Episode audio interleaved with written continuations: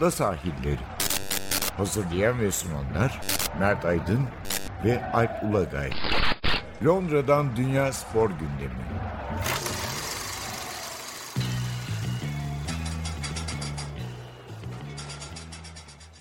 Ada sahillerinden merhabalar. Ben Alp Ulagay.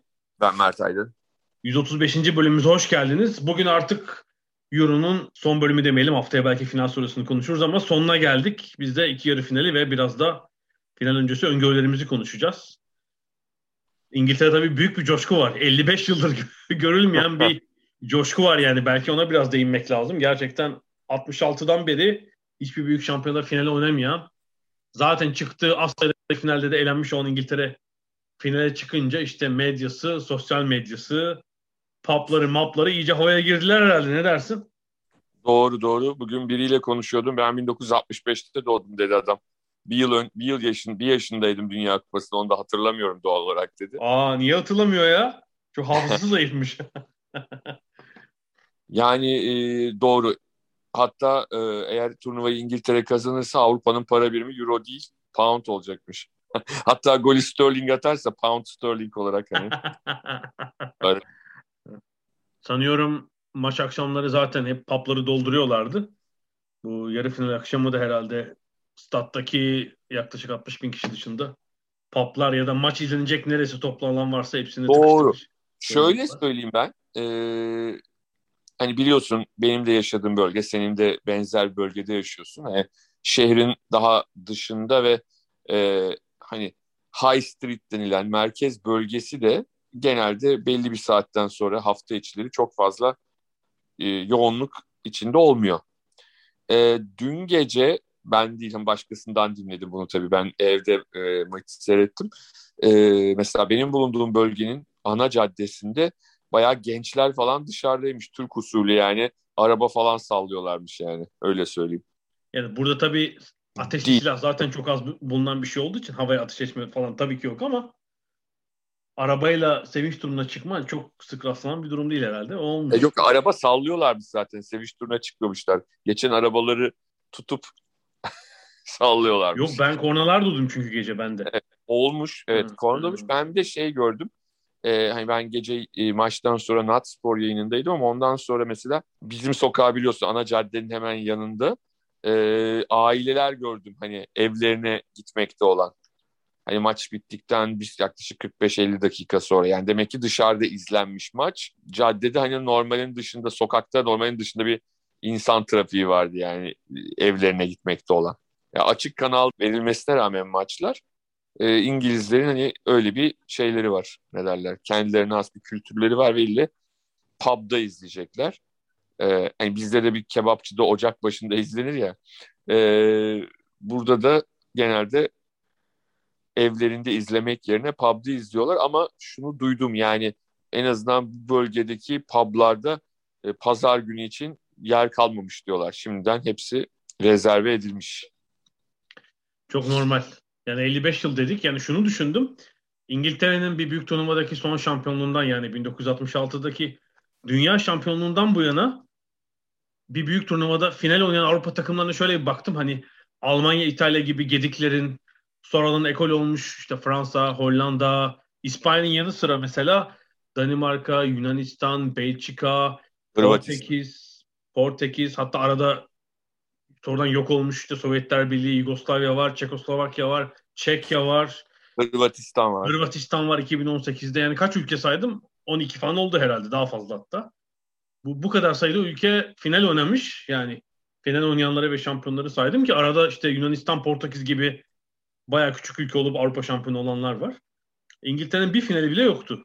Çok garip bir şekilde. Yani evet. futbolun kurucu unsuru Aha. kurallarını koyan ülke hatta büyük bir futbol ülkesi çok büyük lige sahip bir ülke olmasına rağmen bir dengesizlik de aslında bu. Milli takımla belki lig arasında bir dengesizlik. Sanki onun kapandığını görüyoruz bu sefer. Ne dersin? E, şöyle diyeyim tesadüfle e, tesadüf olmadığını anlatmak lazım. Yani altyapılarda yaptıkları ciddi bir e, atılım var. Özellikle işte yaklaşık 10 yıl önceydi. Hatta 442 dergisi, İngiliz 442 dergisi iki ay üst üste hani bir yazı dizisi gibi yayınlamıştı. E, İngiltere Futbol Federasyonu e, bu sorunu çözebilmek için Gareth Southgate'i görevlendirmişti. İlginç değil mi? Bu isim tanıdık gelmiş olabilir. E, Gareth Southgate'de e, tek tek e, şeylere gidip ne derler işte altyapılara gidip sorunları çözmeye başlamıştı. Sorunları öğrenmeye başlamıştı ve hani o zaman anlatılan dergide anlatılan sorunlar aslında hani bize de çok yabancı olan sorunlar değil. Yani bazı kulüplerde eski futbolcuların hiçbir pedagojik formasyonu ya da işte ne yapıp yapamayacağı bilinmeden tak diye e, şeye konulması, altyapılarda işte 10-11 yaş, 12 yaş, 13 yaş takımlarının başına getirilmesinden tut. İşte ya bizim bir arkadaş var Michael onun e, şeyde izlediği bir çocuk var onu gidelim bakalım türü e, biraz bilimsellikten uzak ve kendi kendine e, scout ilan eden abilerden e, bilgiler alınarak oyuncuların getirilmesi işte A takımın çok iyi tesisleri varken altyapı tesislerinin altyapıla oynayan çocukların e, çok kötü şartlarda e, oynaması gibi bir sürü madde vardı. Yani muhtemelen bundan daha fazlaydı. Benim ilk hatırladıklarım. Hani bunlar Türkiye'de de çok uzun yıllar konuşulan şeylerdi. E, ve sonucunda işte orada başlayan hikaye e, bundan birkaç yıl önce 17 yaşta, 18 yaşta Avrupa'da ve dünyada başarılara gel- geldi. E, altyapılarda, altyapı takımlarında İngilizler başarılı oldular ve üstüne e, bu çocuklar ki bunlar arasında şu anda A milli takımda oynayan Sancho gibi ondan sonra e, şimdi Bellingham var e, işte Mount'lar, Foden'lar yani bunlar yavaş yavaş e, ortaya çıktıkları gibi bir de üstüne aslında büyük çoğunluğu yabancı olan teknik adamlar tarafından yabancı serbestisinin olduğu bir ülkede oynatılmaya başlandılar. Sancho ne yaptı gitti Almanya'ya mesela. Bellingham gitti Almanya'ya. Yani çok farklı e, şeyler yaptılar. E, Mount, Foden belki bu grupta yok ama bu turnuvada yok ama Abraham gibi oyuncuları teknik adamları oynattılar. İngilizler e, önemli bir adım attı. Bence çok daha önemli bir şey yaptılar. E, eğitimci getirdiler yurt dışından. Yani eğitimci dediğim zaman aslında e, sadece altyapı eğitiminden bahsetmiyorum. Üst yapı içinde işte Guardiola'sından kulübüne e, kadar şimdi Tuhel'ine kadar hatta Championship'te birçok hocasına kadar çok değerli teknik adamlar e, geldiler ve bunlar bence daha önce İngiliz futbolcularda çok az gördüğümüz taktik bilinci e, oyuncularına e, yansıttılar. Yani bu turnuvanın en büyük yıldızlarından biri Raheem Sterling. Raheem Sterling'in futbolunun ilk bölümü e, açıkçası şeye doğru gidiyordu. Yani hani çok yetenekli ama yani o kadar sadece. Daha verimsiz fazla... bir verimsiz bir oyuncuydu söylemek lazım. Yani çok var, çok örneği var onun gibi. Yani hani o dönemde, ondan önceki dönemde çok gördüğümüz işte çok yetenekli, çok hızlı, e, dribbling yeteneği çok yüksek ama e, bir oyun disiplini, bir taktiksel bilinci olmadığı için bunu boşa yapan, zaman zaman e, taraftarları çok heyecanlandıran ama e, işte Saman Alevi gibi parlayıp sönen bir oyuncuydu ama e, Guardiola'nın elinde şu anda Raheem Sterling izliyoruz yani şeyde Avrupa Şampiyonası'nda da çok çok önemli bir yıldız haline geldi. Yani bunlar bence çok e, önemli. Yani e, sadece işte aman İngiltere ev sahibi o öyle öyle gidiyorlar falan şanslılar falan öyle değil yani olaylar. O kadar basit. O kadar basit değil. Onu anlatmak lazım ve şunu da eklemek lazım. Katılacaksın diye tahmin ediyorum biz e, altyapı deyince hep kulüpler üzerinden gidiyoruz. Tabii ki kulüplerin altyapıları çok önemli ama hani ne bileyim Clairefontaine diye bir, bir vaka var. Bunun gibi birçok e, şey var. Bunların da önemli olduğunu yani federasyonların da yaptığı altyapı hamlelerinin çok değerli olduğunu düşünüyorum. Oyuncuları eğitme anlamında.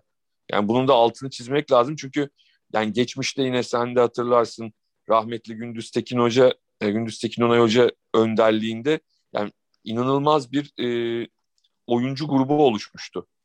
Altyapılardan neredeyse e, hatırlarsın ta Tugay'dan Emre Belözoğlu'na kadar yaklaşık bir 10 senelik bölümde e, oynayan oyuncuların büyük çoğunluğu en az 100 kez milli olduktan sonra 80 ile 100 arası milli olduktan sonra A milli takıma ulaşıyordu. Yani o kadar uluslararası tecrübesi oluyordu ki oyuncuların. O yüzden ben e, federasyonların da e, bu işe el atması gerektiğini düşünüyorum. Sadece alt e, şeylerle ilgili olmadığını, İngiltere'nin de bunda örnek, yeni örneklerden, iyi örneklerden biri olduğunu e, açıkçası düşünüyorum.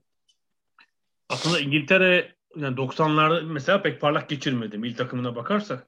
Rezalet bir Euro 92 var. 94 Dünya Kupası'na gidemediler. Gidemediler. İşte bir Euro 96'dan bahsettiler ama biliyorsun orada sadece iki galibiyet aldılar koca turnuvada. Hep beraberlikler falan var. Yani iyi değildi 90'lar açıkçası ve bu Premier Lig'e geçirdikten sonra bence sorunu görüp akademi sistemine geçmişlerdi. Neredeyse 25 yıl olmuş 1997'de. Sadece şaşırtıcı şey şu, yani bu kadar uzun sürmesi, verim almalarının garip. 2010'lar da çok parlayan, 2018'e kadar orası da çok iyi geçmedi. Yani 2014 Dünya Kupası'nda değil mi? İtalya ile ilk turda olup aynı grupta olup elendikleri kupa 2014'tü. Hı. Matrak bir şey olmuştu. Şimdi finalde buluştular yani 7 yıl sonra. Ee, yani lig Premier Lig hep milli takımın önünde gitti açıkçası. Yani hep böyle bir umutlanma olur. Beckham kuşağında da vardı. Hep evet. hayal kırıklığını sona erdi. Biraz herhalde bu belki etkisini ileriki yıllarda göreceğiz. Yani futbolcu tipinin değişmesinden de o zihniyetin değişmesinden söz edebiliriz. Yani işte yurt dışına korkmadan giden gençler var yani. Sancho Bellingham iyi örnekler gerçekten. Herhalde bu Sakalar, Foden'larla falan e, yapı daha da değişecek gibi gözüküyor. E, bir tek bu turnuva özelinde konuşursak tabii İngiltere söylemiştik yani Almanya sonrası önü açık şanslı bir kura çekti demeyelim. İşler öyle gelişti biraz yani. Diğer gruptaki maçların sonuçlarına göre F grubundan gelen Almanya'yı eleyip kendi yollarını açtılar açıkçası. İspanya falan da oradan çekilince. Southgate'in de hakkını vermek lazım. Yani bir turnuva takımı gibi oynattı. Kadroyu bence çok yerinde kullandı. Ufak tefek her maçta değişiklikler yaptı özellikle ileride yani. Mesela Kane'i kesmedi tabii.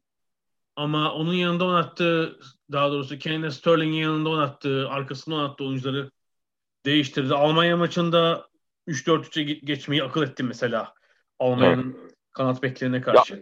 Ufak evet. ayarlar yaptı. Bir de şunu görüyorum. Yani bu kupa öncesi eldeki rakam belliydi. Oyuncuları geçen kulüp sezonunda daha doğrusu kulüp artı milli takımı hesaba katarsak en fazla süre alan takımdı ortalama. Sanıyorum 3400 dakika olması lazım. Yani en yorgun takım olması beklenir. Ama İngiltere burada çok diri bir takımı gibi gözüküyor. Yani işin sonuna geldik. Danimarka maçının yani 120 dakikasında oyuncu değişikliklerinde biraz geç yapmalarına karşın son derece diriydi takım. Yani işte 120. dakikada Sterling hala depar atıyordu. E, biliyorsun normal kulüp sezonunu pek iyi bitirmedi. Yani Şampiyonlar Ligi finalinde ben ilk evet. 11'de olmasını beklemiyordum mesela o gün. Ya ama şunu söylemem lazım. Araya geleceğim ama İtalyanlar Raheem Sterling'in e, sahada attığı deparları idmanda atıyor. Neyse araya sıkıştırayım güzel, dedim. Güzel çok iyi. yani fizik olarak bir kere çok diriler. Southgate'de çok gerçi düzgün bir antrenörlük örneği verdi. Böyle hani zaten böyle iddialı konuşan, garip demeçler veren bir antrenör değil. Bence ölçülü tavrıyla da oyuncuları tarafından o soğukkanlı haliyle de oyuncuları tarafından seviliyor. İyi bir örnek yani iyi bir lider. Ee, yani bence İngiltere milli takımının tek tek oyuncu kapasitesi buradaki 4-5 ülkenin gerisindeydi ama oradan iyi bir bütün oluşturmayı başardı ve işte tek gol yiyerek finaldeler. Söylemek lazım. Southgate hani benim de çevremde konuştuklarım genelde şöyleydiler. Hani Southgate'in hoca olarak çok yeterli görmüyorlardı ama insan olarak ve lider olarak çok önde görüyorlardı. Ee, yani şimdi şöyle bir şey var tabii eğer siz e, şeyi çıtayı Klopp, Guardiola, Tuchel vesaire yaparsanız tabii ki Southgate o seviyede bir hoca değil. O tarz bir hoca değil zaten. Yani işte aman inanılmaz taktik cinliklerle uğraşacak, işte futbola devrim öyle bir hoca değil. Elindeki malzemeyi e, bir turnuva boyunca en iyi şekilde kullanmaya çalışan bir teknik adam. Ve bunu da şu ana kadar iyi yaptı. Bunu söyleyebiliriz. Bu şu demek değil yani. Şimdi buradan al işte atıyorum Manchester City'nin başına koy her şey mükemmel olacak. Öyle bir şey değil tabii ki. Yani farklı farklı kategorileri birbirine karıştırmamak gerektiğini ben e, düşünüyorum. Bir kere şöyle bir şey yaptı. E, işte şey elastikiyeti dışında üçlüden dörtlüye geçiş, dörtlüden üçlüye geçiş ki burada bence Kyle Walker inanılmaz derecede e, kritik bir adam yani. İkisinin de geçişinde çok çok önemli bir avantaj e, hoca için. Bunu bunu çok iyi yaptı Almanya maçında da. Yani İtalya maçında da yapabilir, maç içinde değiştirebilir. Böyle bir esnekliği var elinde bir kere. Çok çok önemli. E, yani bir tek sıkıntısı şu, o da onun sıkıntısı değil. Hani kadrodan gelen sıkıntı. Belli bir bölgede çok ciddi derecede iyi oyuncu sayı, iyi oyuncular var. Yani işte o forvetin arkasındaki üçlü grupta kimi oynatsa, e, kimi oynatmasa o niye oynamıyor diyebilirsin. Biraz eleştiriler yapacağım. Grealish başlamıyor. Ya Grealish olmalıydı. Grealish oyuna giriyor. Niye Sancho yok? Sancho oynuyor. Niye Saka yok? Saka oynuyor. İşte niye e, Rashford önde şeye destek olmuyor falan. Yani hani o, öyle bir grup var ki elinde aslında bir yandan şans bir yandan da fazlasıyla e, şey yapıyor ne derler e, ele, e, insanların herkesin kafasında farklı bir 11 olduğu için ama burada yaptığı önemli bir şey var. Belli bir grup oyuncuyu hani sakatlık ve ceza olmadığı sürece hiç yerinden kıpırdatmadı. Yani Rice Phillips ikilisi hiç değişmedi. Ve bir sakatlık ceza olmadığı sürece de değiştirmeyecekti. Ee, ona da gerek kalmadı. Bir tek savunmada Maguire e, ilk başta işte sakatlıktan yeni çıkmıştı. Sonra o da oturdu. Maguire Stones ikilisi e, savunmanın ortasına geçti. Luke Shaw beklenenin çok üzerinde bir e, performans gösteriyor. Çünkü hatırlarsan ilk maçta Trippier sol bekteydi değil mi? Ama işte Shaw'un da sakatlığı vardı hafif galiba orada. Vardı ama yani hani sonrasında Shaw'un Mourinho'nun elinde e, düştüğü durum Solskjaer'in ona katkısı e, şu anda e, Shaw önemli bir oyuncu haline geldi. Hatta kampta espri yapıyorlarmış. Shoberto Carlos diyorlar ona. Evet, biraz abartmışlar tabii. Yani Enkomi de Instagram'da Roberto Carlos onu beğenmiş bile böyle o espriyi. Ee, öyle bir hikaye. BBC'de onunla röportaj yapıyorlardı. O şeyi gösterdiler, hikayeyi gösterdiler. Tabii biraz abartı ama. 17, 17 farklı oyuncu ilk 11 çıkmış ki kaleci değişmiyor. 16 sağ oyuncusu diyebiliriz. Ee, evet. Yedekten giren Henderson'da mesela ilk 11, ilk 11 oynamadı. 4 de yedekten giren 21 kişiyi kullanmış yani. Kaleci değişmediğini düşünürsek 20 sağ oyuncusu oynamış. Yani fena bir rakam değil aslında. iyi bölüştürmüş görevleri. Ve... Yani, burada 7 maçlık bir seri var. Yani herkes 7 maç oynayamıyor ama hani teknik adamların şampiyonluk hedefleyen teknik adamların o 7 maçı nasıl oynayacağını kafasında kurgulaması gerekiyor. Yani şimdi uzun bir dönemde lig için yaptığın zaman daha farklı ama o 7 maçta da bütün takımı kullanacağım diye devamlı takımın e, kurgusuyla oynamak da çok doğru bir şey değil açıkçası. Yani belirli bir e, oyun planında ve belirli bir oyuncu grubunda ısrar etmek gerekiyor. Bunun eleştirileceğini bilerek de ısrar etmek gerekiyor. Ha kazanırsanız sonuçta haklısınız. E, çünkü kazanmadığınız sürece, elen e, kaybettiğiniz sürece size onun yerine bu oynamalıydı, bunun yerine o oynamalıydı diye insanlar akıl vereceklerdir doğal olarak. Ama şu ana kadar görünen e, Southgate ve yardımcıları o planı doğru şekilde yapmışlar ve doğru oyun planıyla e, devam ediyorlar. Bir de e, Danimarka maçında gördük ki çünkü İngiltere ile ilgili en büyük soru işareti gol yerse ne olacaktı? Gol yedikten sonra çok kısa sürede o maçı çevirmeyi başarlar. Tabii ki İtalya farklı olacaktır. Yani İtalya ile Danimarka'yı bir tutmuyorum. Ama Danimarka gibi fiziksel olarak hiç de İngiltere'den aşağı kalmayacak bir takımı e, o hale getirmiş olmaları oyun içinde. Yani penaltı pozisyonundan bahsetmiyorum. Yani hani maçın oyunun planından bahsediyorum ama e, Danimarka'yı belli bir noktadan sonra tamamen e, oyundan düşürdüler ve e, oyunu rakip ceza alanı içine yıktılar. Bence bu önemli bir şey. Ben bir de şeyi görüyorum yani bu, bu turnuvada yarı finale gelen dört takıma bakarak da görüyorum. Yani böyle bireysel takılan oyuncuya artık hiç yer yok. Mesela bu yüzden Jack Grealish'in daha süre almasını falan çok doğal buluyorum. Yani mesela bu turnuvada ve böyle bir takımda ancak yedek oyuncu olur Jack Grealish. İlk 11 oyuncusu olmaz. Ya bu tip oyuncular zaten burada başarısız oldu. Yani böyle biraz bireysel takılmaya kalkan falan oyuncular hatta rezil oldular yani Mbappe falan. Ya Ronaldo mesela yani Portekiz'de evet o bir bireysel takılıyor orada ama İyi bitmedi turnuva. İlginç. Lekip gazetesinde yıllar sonra bir röportaj vermiş. Luis Van Gaal bugün. O da onu söylemiş. Yani böyle bireylerin toplamı olan takımlar burada iş yapamadı diyor. Tamamen kolektif oynayanlar çok başarılı oldu. O aynı konuya değinmiş. Mesela Grealish tamam seyirci seviyor. Çok teknik bilekler güzel de yani bu gelecek seneki Dünya Kupası takımında da oynamaz Jack Grealish yani. O öyle takılacak kendi biraz. Aston Villa'da falan serbest oyuncu. Eski tip yani. Biraz 30 yıl öncenin oyuncusu Jack Grealish. Oynatmaması çok da onu. Anca işte kolay maçtı belki. Finalde de muhtemelen skor dezavantajlı bir skor olursa oyuna girecektir. O, mesela hiç şeyden ödün vermedi yani.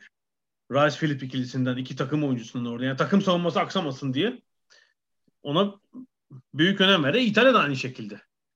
Yani ortadaki üçlüyü bozmuyor. Hani bir personel değiştirdi. Locatelli'nin yerine Verratti geçti ama oradaki pres gücünden yani Pestina anca skorun durumuna göre oyuncu mesela.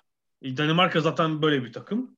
E, İspanya'da şu İspanya'da herhalde değil mi eskilerle kıyasladığımızda parlayan oyuncular var ama bireysel olarak baktığımızda büyük bir star göremiyoruz. Hatta Forvet'te belki böyle bir eksiklik var. Böyle bir sıkıntıdan söz edebiliriz.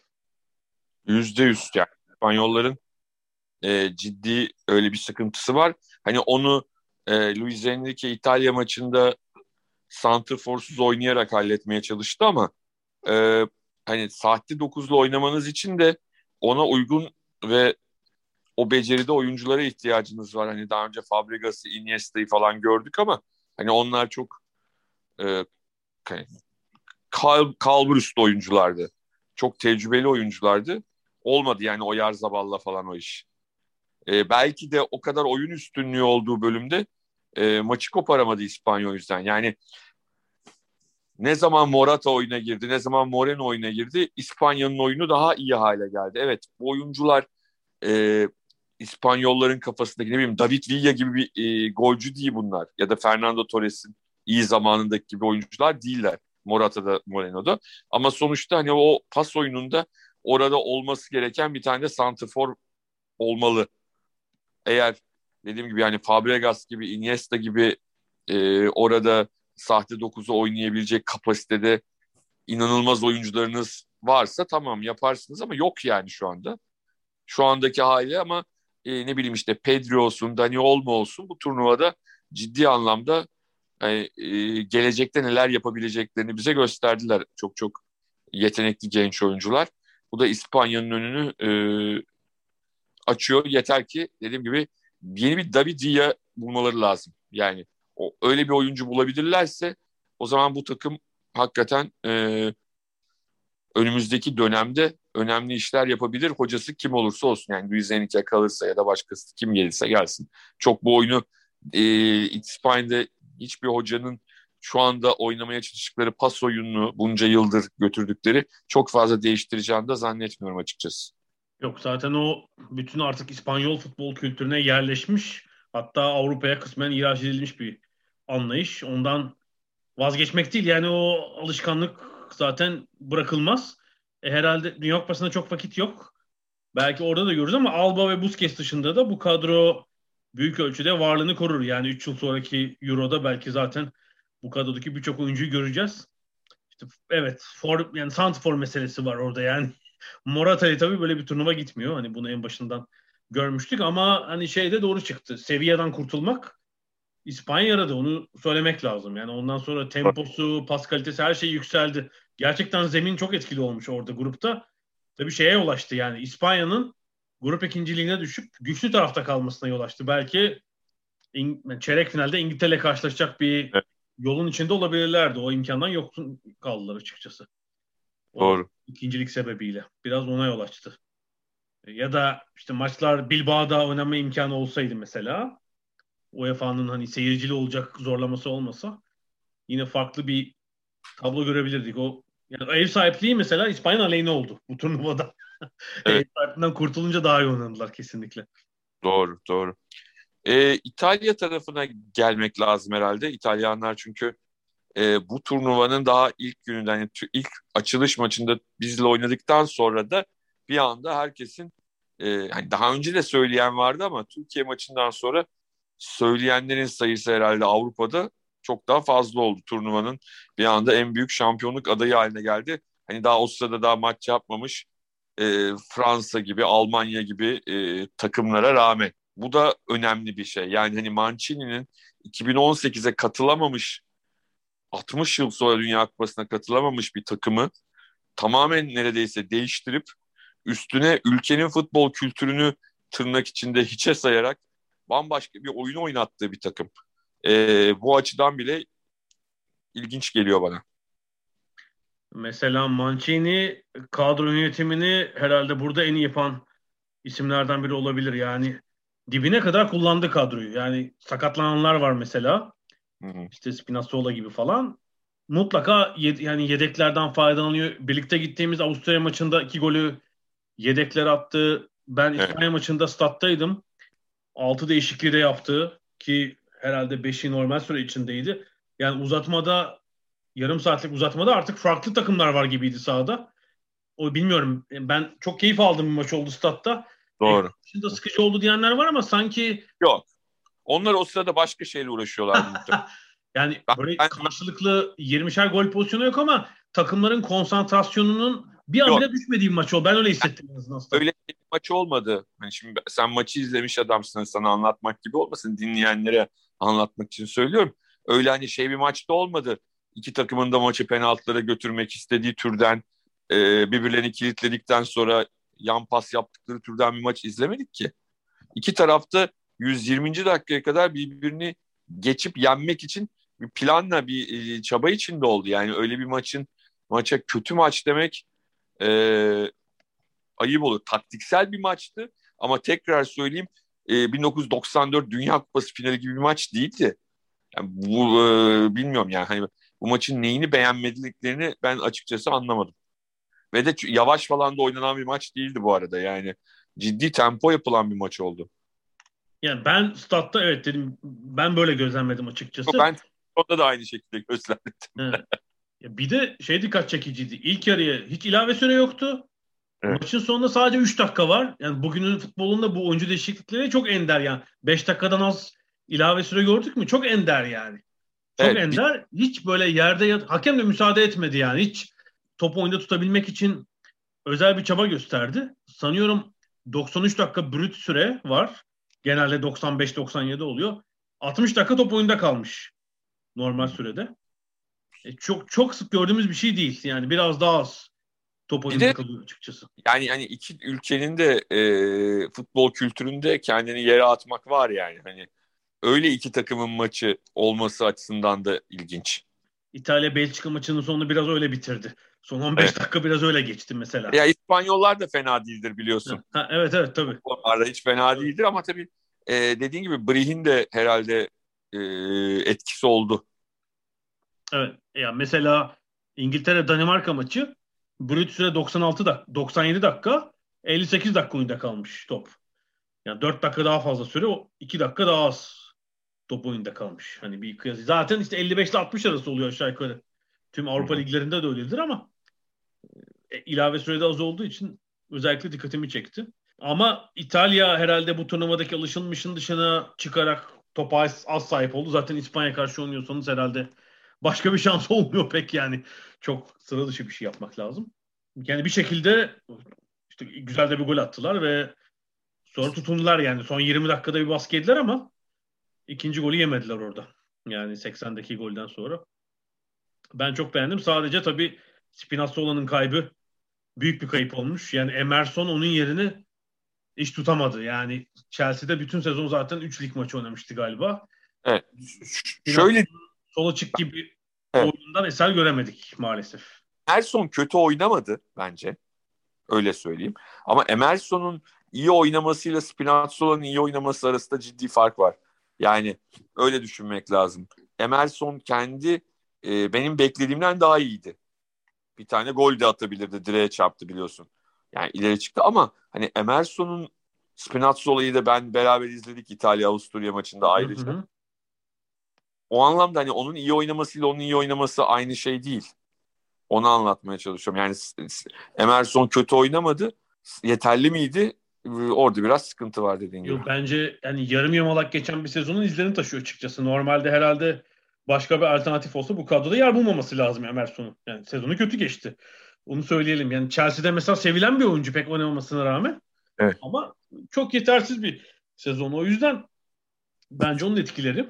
Spinazzola da buraya müthiş formda gelmiş. O bakımdan yazık tabii o sakatlık. Bizi belki turnuvanın en iyi oyuncularının, oyuncuların birinden mahrum.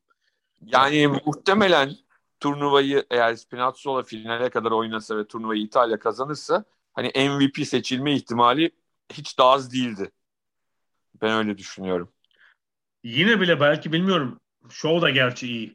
Hele İngiltere finalinde olduğu için. Yani sol bekte yine turnuvanın iyi sol beki olur mu? 11'ine seçilir mi diye düşünüyorum ama Luke Shaw'un da şu... Ama yani Luke Shaw'un yani Luke Shaw da iyi. Yani itirazım Hı. yok ama hani Spinazzola biraz daha farklıydı sanki hepsinden. Tabii tabii. Doğru. Shaw da takımı adına çok önemli işler yapıyor ama Doğru. Doğru. biraz daha hani Spinazzola e, e, bir ara şey gibi hani e, neydi? Dani Alves de sağ bekti ya yalandan. hani o da öyle bir sol bekti yani. sol bek performansı gösterdi. Bir de gözüme çarpan bir şey var. Son bir haftada yani geçen hafta sonundan beri hatta şey oldu. Daha fazla en azından ben görüyorum. Türkiye'de bir İtalyan Muhipleri Derneği var herhalde. ya o eskiden de vardı canım. Yani bazıları e, tanıyorum hani onlar e, eskiden beri olanlar vardı. Onlar hani takım 11 kişi defans da yapsa tutuyorlar. E, 10 kişi hücum da yapsa tutuyorlar yani. Onda, onda bir değişiklik yok. Ama bir de ben şeye çok güldüm. Penaltı pozisyonundan dolayı biz bundan dolayı İtalya'yı tutacağız diyenler onlara gülüyorum çünkü hani emin ol e, Türk insanının %98'i falan futbolla ilgilenen dünkü penaltı eğer kendi takımları lehine verilse ligde onun doğru bir penaltı olduğunu anlatmak için e, inanılmaz tweetler atarlardı. Fotoğraflarla falan. Yani sadece Türkiye'de değil dünyanın birçok yerinde şeyde de olsa e işte bacana değmiş temas var diyecek. Hayır hayır. Bizde spor yorumcuları anlamında söylüyorum. He, Taraf, taraftar taraftar rasyonel olamaz zaten. Hı hı. Onunla ilgili itirazım yok. Ondan sonra ben bizim meslektaşlarımızdan çünkü onlar da böyle e, şey yapıyor ya İtalya işte bu yüzden İtalya'yı tutuyorum. Şimdi ben şeyleri anlıyorum. Çocukluğumdan beri İtalya'yı tutanlar var. Ben çocukluğumdan beri Brezilya'yı tutarım diyelim Dünya Kupalarında. Onlara itirazım yok. Onlar hani e, ne olursa olsun İtalya'yı tutuyorlar ama hani dünkü penaltı pozisyonundan sanki hani e, Avrupa Şampiyonası tarihinin ilk hakem hatası falan olmuş gibi bir davranış içindeler. Bu bir acayip yani onu anlatmaya çalışıyorum. Yoksa e, yani penaltı olmadığını ben de düşünüyorum sonuçta o e, kararın ama Danimarka'nın oyun biçimiyle e, o penaltıyı çağırdığını düşünüyorum. Yani bu kadar kendi ceza alanınıza gömülür ve rakibi bu kadar kendi ceza alanınıza sokarsanız e, bunlardan birinde ki bir temasa e, hakemin bir yerden sonra çalma ihtimali olabilir. Bu, bunu açıkçası ben düşünüyorum. Ya ben biraz açıkçası Danimarka beni şey uğrattı biraz. Ayak kırıklığına. Yani bir böyle 15 dakika iyi başladılar. Baskı var. Net pozisyon yok ama böyle İngiltere yırpalıyorlar gibiydi. Yani sonra gol de attılar. Ama özellikle ikinci yarı 40 dakika müthiş bir İngiltere baskısı var ve bence o Danimarka'nın hani biz böyle oynayalım demesinden ziyade İngiltere'nin gücünden kaynaklandı. Yani Tabii doğru. Uzatmada da devam etti bu. Hapsettiler resmen. Danimarka bence ilk kez bu maçta Eriksen'i çok fena aradı. Ben öyle düşünüyorum. Yani orta sahayı derleyip toparlayacak ve takımı hücuma kaldıracak. Yani diğer maçlarda da tabii Eriksen aranmayacak bir oyuncu değil ama diğer maçlarda bunu tolere edebilecek, e, tolere edebildiler. O tip rakiplere karşı oynadılar. Ama İngiltere önünde e, bence çok gerekiyordu. Hani bir iş olsaydı her şey daha iyi olur muydu bunu bilmek mümkün değil ama Danimarka'nın oyunu orada ciddi anlamda e, şeyi çağırdı yani. yani Eriksen gibi bir oyuncunun orada olup e, hücumu e, oluşturması gerekiyordu. O, o olmadığı için de e, kendi yarı alanlarına hapsoldular. Ben de sana katılıyorum. Yani böyle bir planları olduğunu düşünmüyorum. Ama genel bilanço tabii Danimarka açısından pozitif. Yani yarı finale kadar gelmek onlar için ekstra oldu bence. Schmeichel'ın da bu arada neredeyse babasına yaklaşacak kadar ee, iyi bir oyun da söyleyelim. Bir de penaltı da kurtardı. Yani herhalde tutmaya kalktı değil mi orada? Herhalde yani o, o onu yanlış yaptı. Yani normal zaten bilerek çelse e, öyle oraya çelmez. Kornere evet, e, çelecekti ama orada bence ciddi şekilde hata yaptı. Yani çünkü bence kötü bir penaltı attı. Sadece ters köşeye yatırsa o penaltı iyi bir penaltı olur görünürdü. Hı. Ama Schmeichel biraz orada şey yardım etti ama şöyle söyleyeyim hani o e, köşeden çıkardığı bir top vardı ilk yarıda. Maguire'ın kafası. Evet ya orada yani inanılmaz bence müthiş şey çapında o 60 70 Dünya Kupası'ndaki Banks'in Pele'nin kafasını çıkardığı pozisyon gibi bir pozisyondu yani. Hakikaten çok baya yakın bir kafa gerçekten. Orada çok ekstra bir refleks lazım. Yani, yani hani elini or, e orada baya kale arkası tekrara dikkat ettiysen kafa vurulduğu anda mümkün değil gibi gözüküyor onu kurtarmak oraya giden topu. Sonra bir yani bir anda eli uzatıp çıkardım. Yani şu Michael'ın da geç parlayıp çok iyi bir noktaya geldiğini söylemek lazım kariyerinde yani. Leicester'da da tabii öyle. Evet yani bazıları da çok genç zannediyor onu ama değil tabii yani. Ama yani hani daha o bir 4-5 yıl daha gider o en az. Tabii tabii öyle gözüküyor tabii. Leicester, Leicester zaten sever tecrübelileri. Kısa bir ara verelim biraz da finali konuşacağız. Tamam.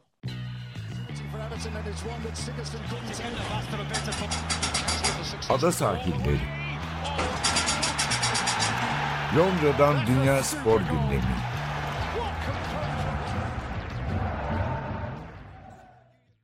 Ada sahillerine devam ediyoruz. Şimdi Euro 2020'nin finalini konuşalım biraz. İngiltere, İtalya gerçekten büyük bir final oldu. İki büyük futbol ülkesi finaldeler. Herhalde yani 3-4 sene önce çok beklemediğimiz bir durum. Özellikle İtalya'nın 2018 hayal kırıklığından sonra iki takımın burada final oynaması. Tabii diğer bazı ülkelerin de hayal kırıklığı yaratmasının da bunda payı var. İşte başta Fransa, Almanya olmak üzere. Belçika'nın biraz belki artık bu kadrosunun, bu kuşağının miadının olması da söz konusu olabilir. Bu arada pazar gerçekten acayip bir gün olacak İngiltere'de. Yani Wembley herhalde büyük bir akın olacaktır final maçı için. Tam kapasiteyle ama herhalde 60 bin kişi olacak. Ama aynı gün Wimbledon finali var. Yine Londra'da. Ve o tabii İngiltere değil ama Fransa turnunun da en önemli etaplarından biri var. Yani ekrana yapışmalık bir gün olacak gerçekten. ee, İngilizler işte önce bir İngiliz tenisçi yok ama Wimbledon erkekler finalini izlerler. Muhtemelen biter o saate kadar. Oradan da şey Belli olmaz. Yağmur. işte eskiden öyleydi tabii ama işte bu üst kapatacaklar ama hani o da biliyorsun bayağı bir, bir, bir vakit alıyor. Hani yıllar önceki 2008 Nadal Federer finali gibi bir final olursa bitmeyen final yapmışlar oluyor. Şimdi yani ev sahibi desteğinin de biraz etkili olduğunu söylemek lazım burada. Yani çünkü dörtte bir kapasiteyle başlanmıştı Wembley'deki maçlara. Hatta ilk maça gitmiştim ben. 22 bin seyirci falan vardı. Giderek arttı tabii seyir sayısı. İlk bölümde bahsederken hani bu işte seyirci İtalyanlar falan böyle bir İtalyan mıdıkçılığı da hortladı son haftalarda. İşte bir şeyden şikayet. Hakeme bir ver yansın oldu. Sonra Mancini dedi işte seyircilerimiz gelemiyor falan. E, Cumartesi günü ben gördüm ki İtalya'dan kimsenin gelmesine ihtiyaç yok. Zaten Londra'nın ya da İngiltere'nin İtalyanları yeterliymiş gerçekten. 57 bin seyirci vardı o gün ve işte belli ki İtalyan, İspanyol ya da bu iki ülke kökenli binlerce kişi stada doldurmuştu açıkçası yani. Birinin gelmesine hiç ihtiyaç yokmuş ama final tabii finale ne kadar bilet bulacaklar, orada ne kadar İngiliz, ne kadar İtalyan olacak onu kestiremiyorum. Çünkü cumartesi günü herhalde benim gözlemim, benim oturduğum bölüm böyle karışıktı. Kale arkası değildi. Hani 3'te 2 İtalyan gibiydi sanki stat'taki fazlalık İspanyollara nazaran. Normal. Finalde belki öyle bir avantaj İngiliz seyircileri lehine olur. Ee, ama uzun süredir de böyle dolu tribün görmeyen futbolcular için bir motivasyon kaynağı olduğunu bence biraz söylemek lazım. Bir etkisi oluyordur herhalde. Yani aleyhte seyirci bile e, işe yarayabilir. evet evet yani kendi seslerini duymaktan, sesin yankısını devasa statta falan duymaktan fenalık geldi oyunculara yani 15 aydır.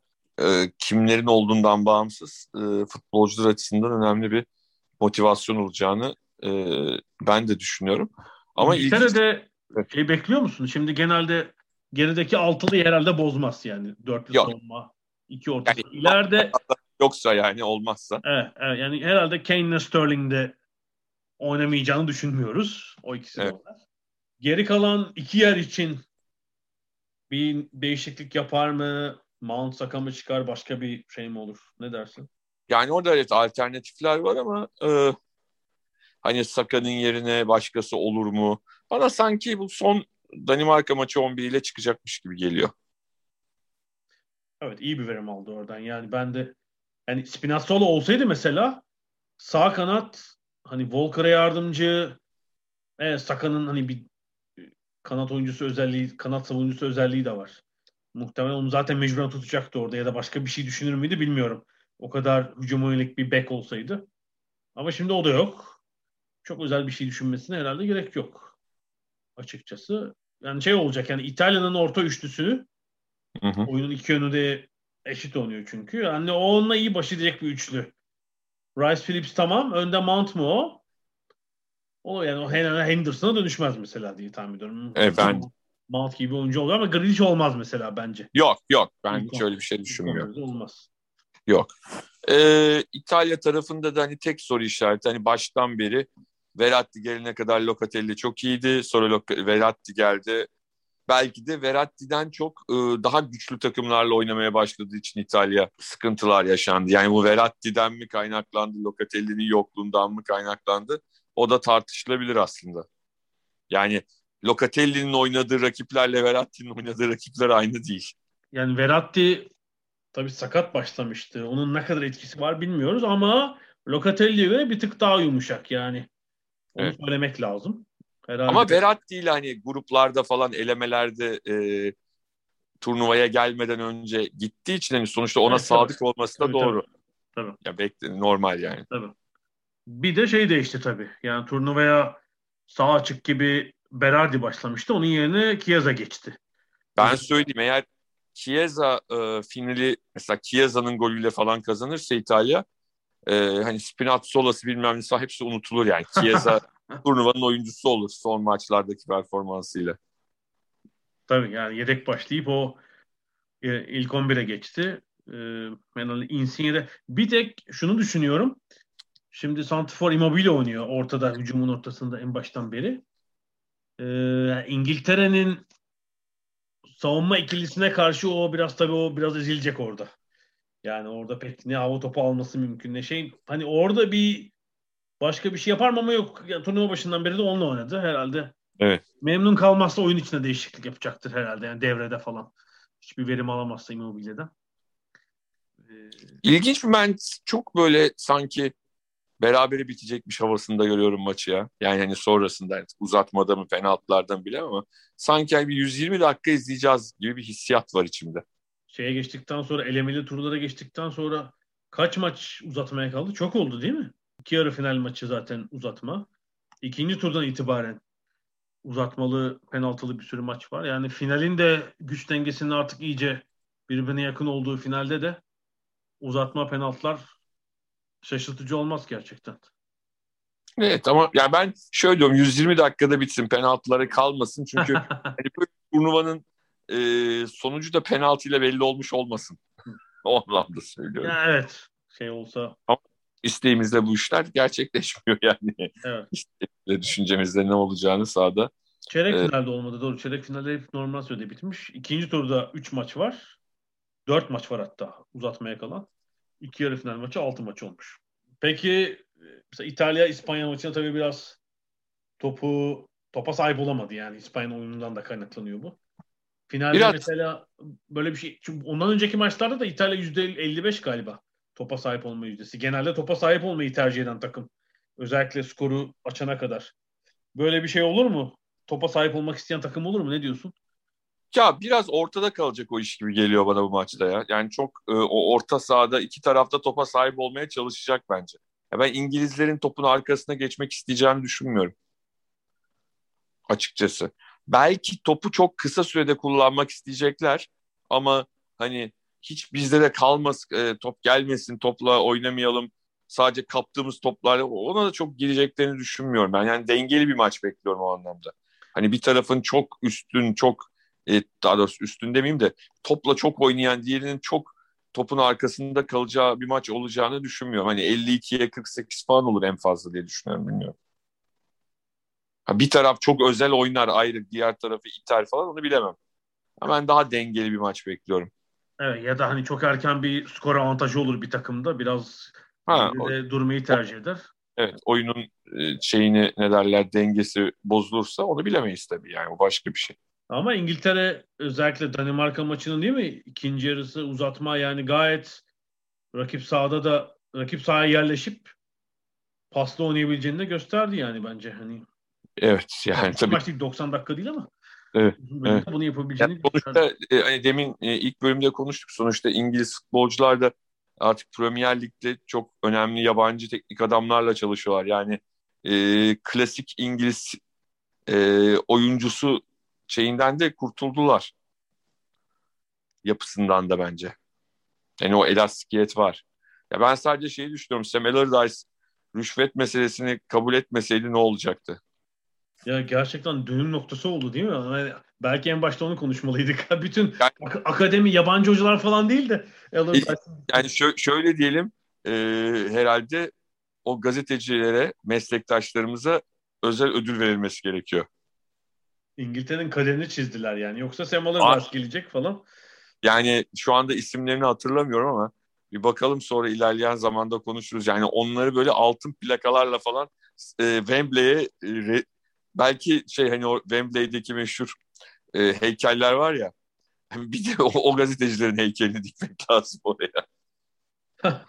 İngiliz futbolunun kaderini değiştiren gazeteciler diye. yani düşünemiyorum şu anda Semeler Dice'lı İngiltere'yi. Yani şu anda hep İtalya şarkısı söylüyorduk mesela. Hani. İngiltere hani buraya gelemezdi muhtemelen de gelse evet. bile ya zaten belki de Semir Dice zaten Semir Dice muhtemelen Dünya Kupası'nda istifa ederdi. Sonra artık Southgate gelir miydi başkası gelir miydi ne olurdu bilemiyorum. Evet sanıyorum final öncesi de öngörümüz böyle yani ben de sanki uzatma olacak gibi geliyor. Yani skor şey yapamıyorum böyle hani bir birlik birbirine yakın bir maç bekliyorum ama sanki işte bu ev sahibi girdikleri hava bu oyuncuların iyi uyumuyla İngiltere bir şekilde bu sefer muradına erecek gibi öyle düşünüyorum. Yani uzatmada alacaklar diye hissediyorum. Bakalım göreceğiz. Ada sahillerinden bu haftalıkta bu kadar. Gelecek haftaya kadar görüşmek üzere. Hoşçakalın.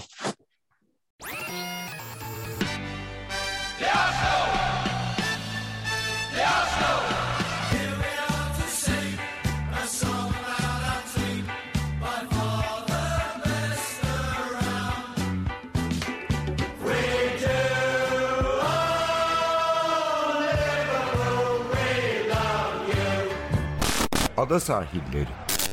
Hazırlayan ve sunanlar Mert Aydın ve Alp Ulagay. Londra'dan Dünya Spor Gündemi.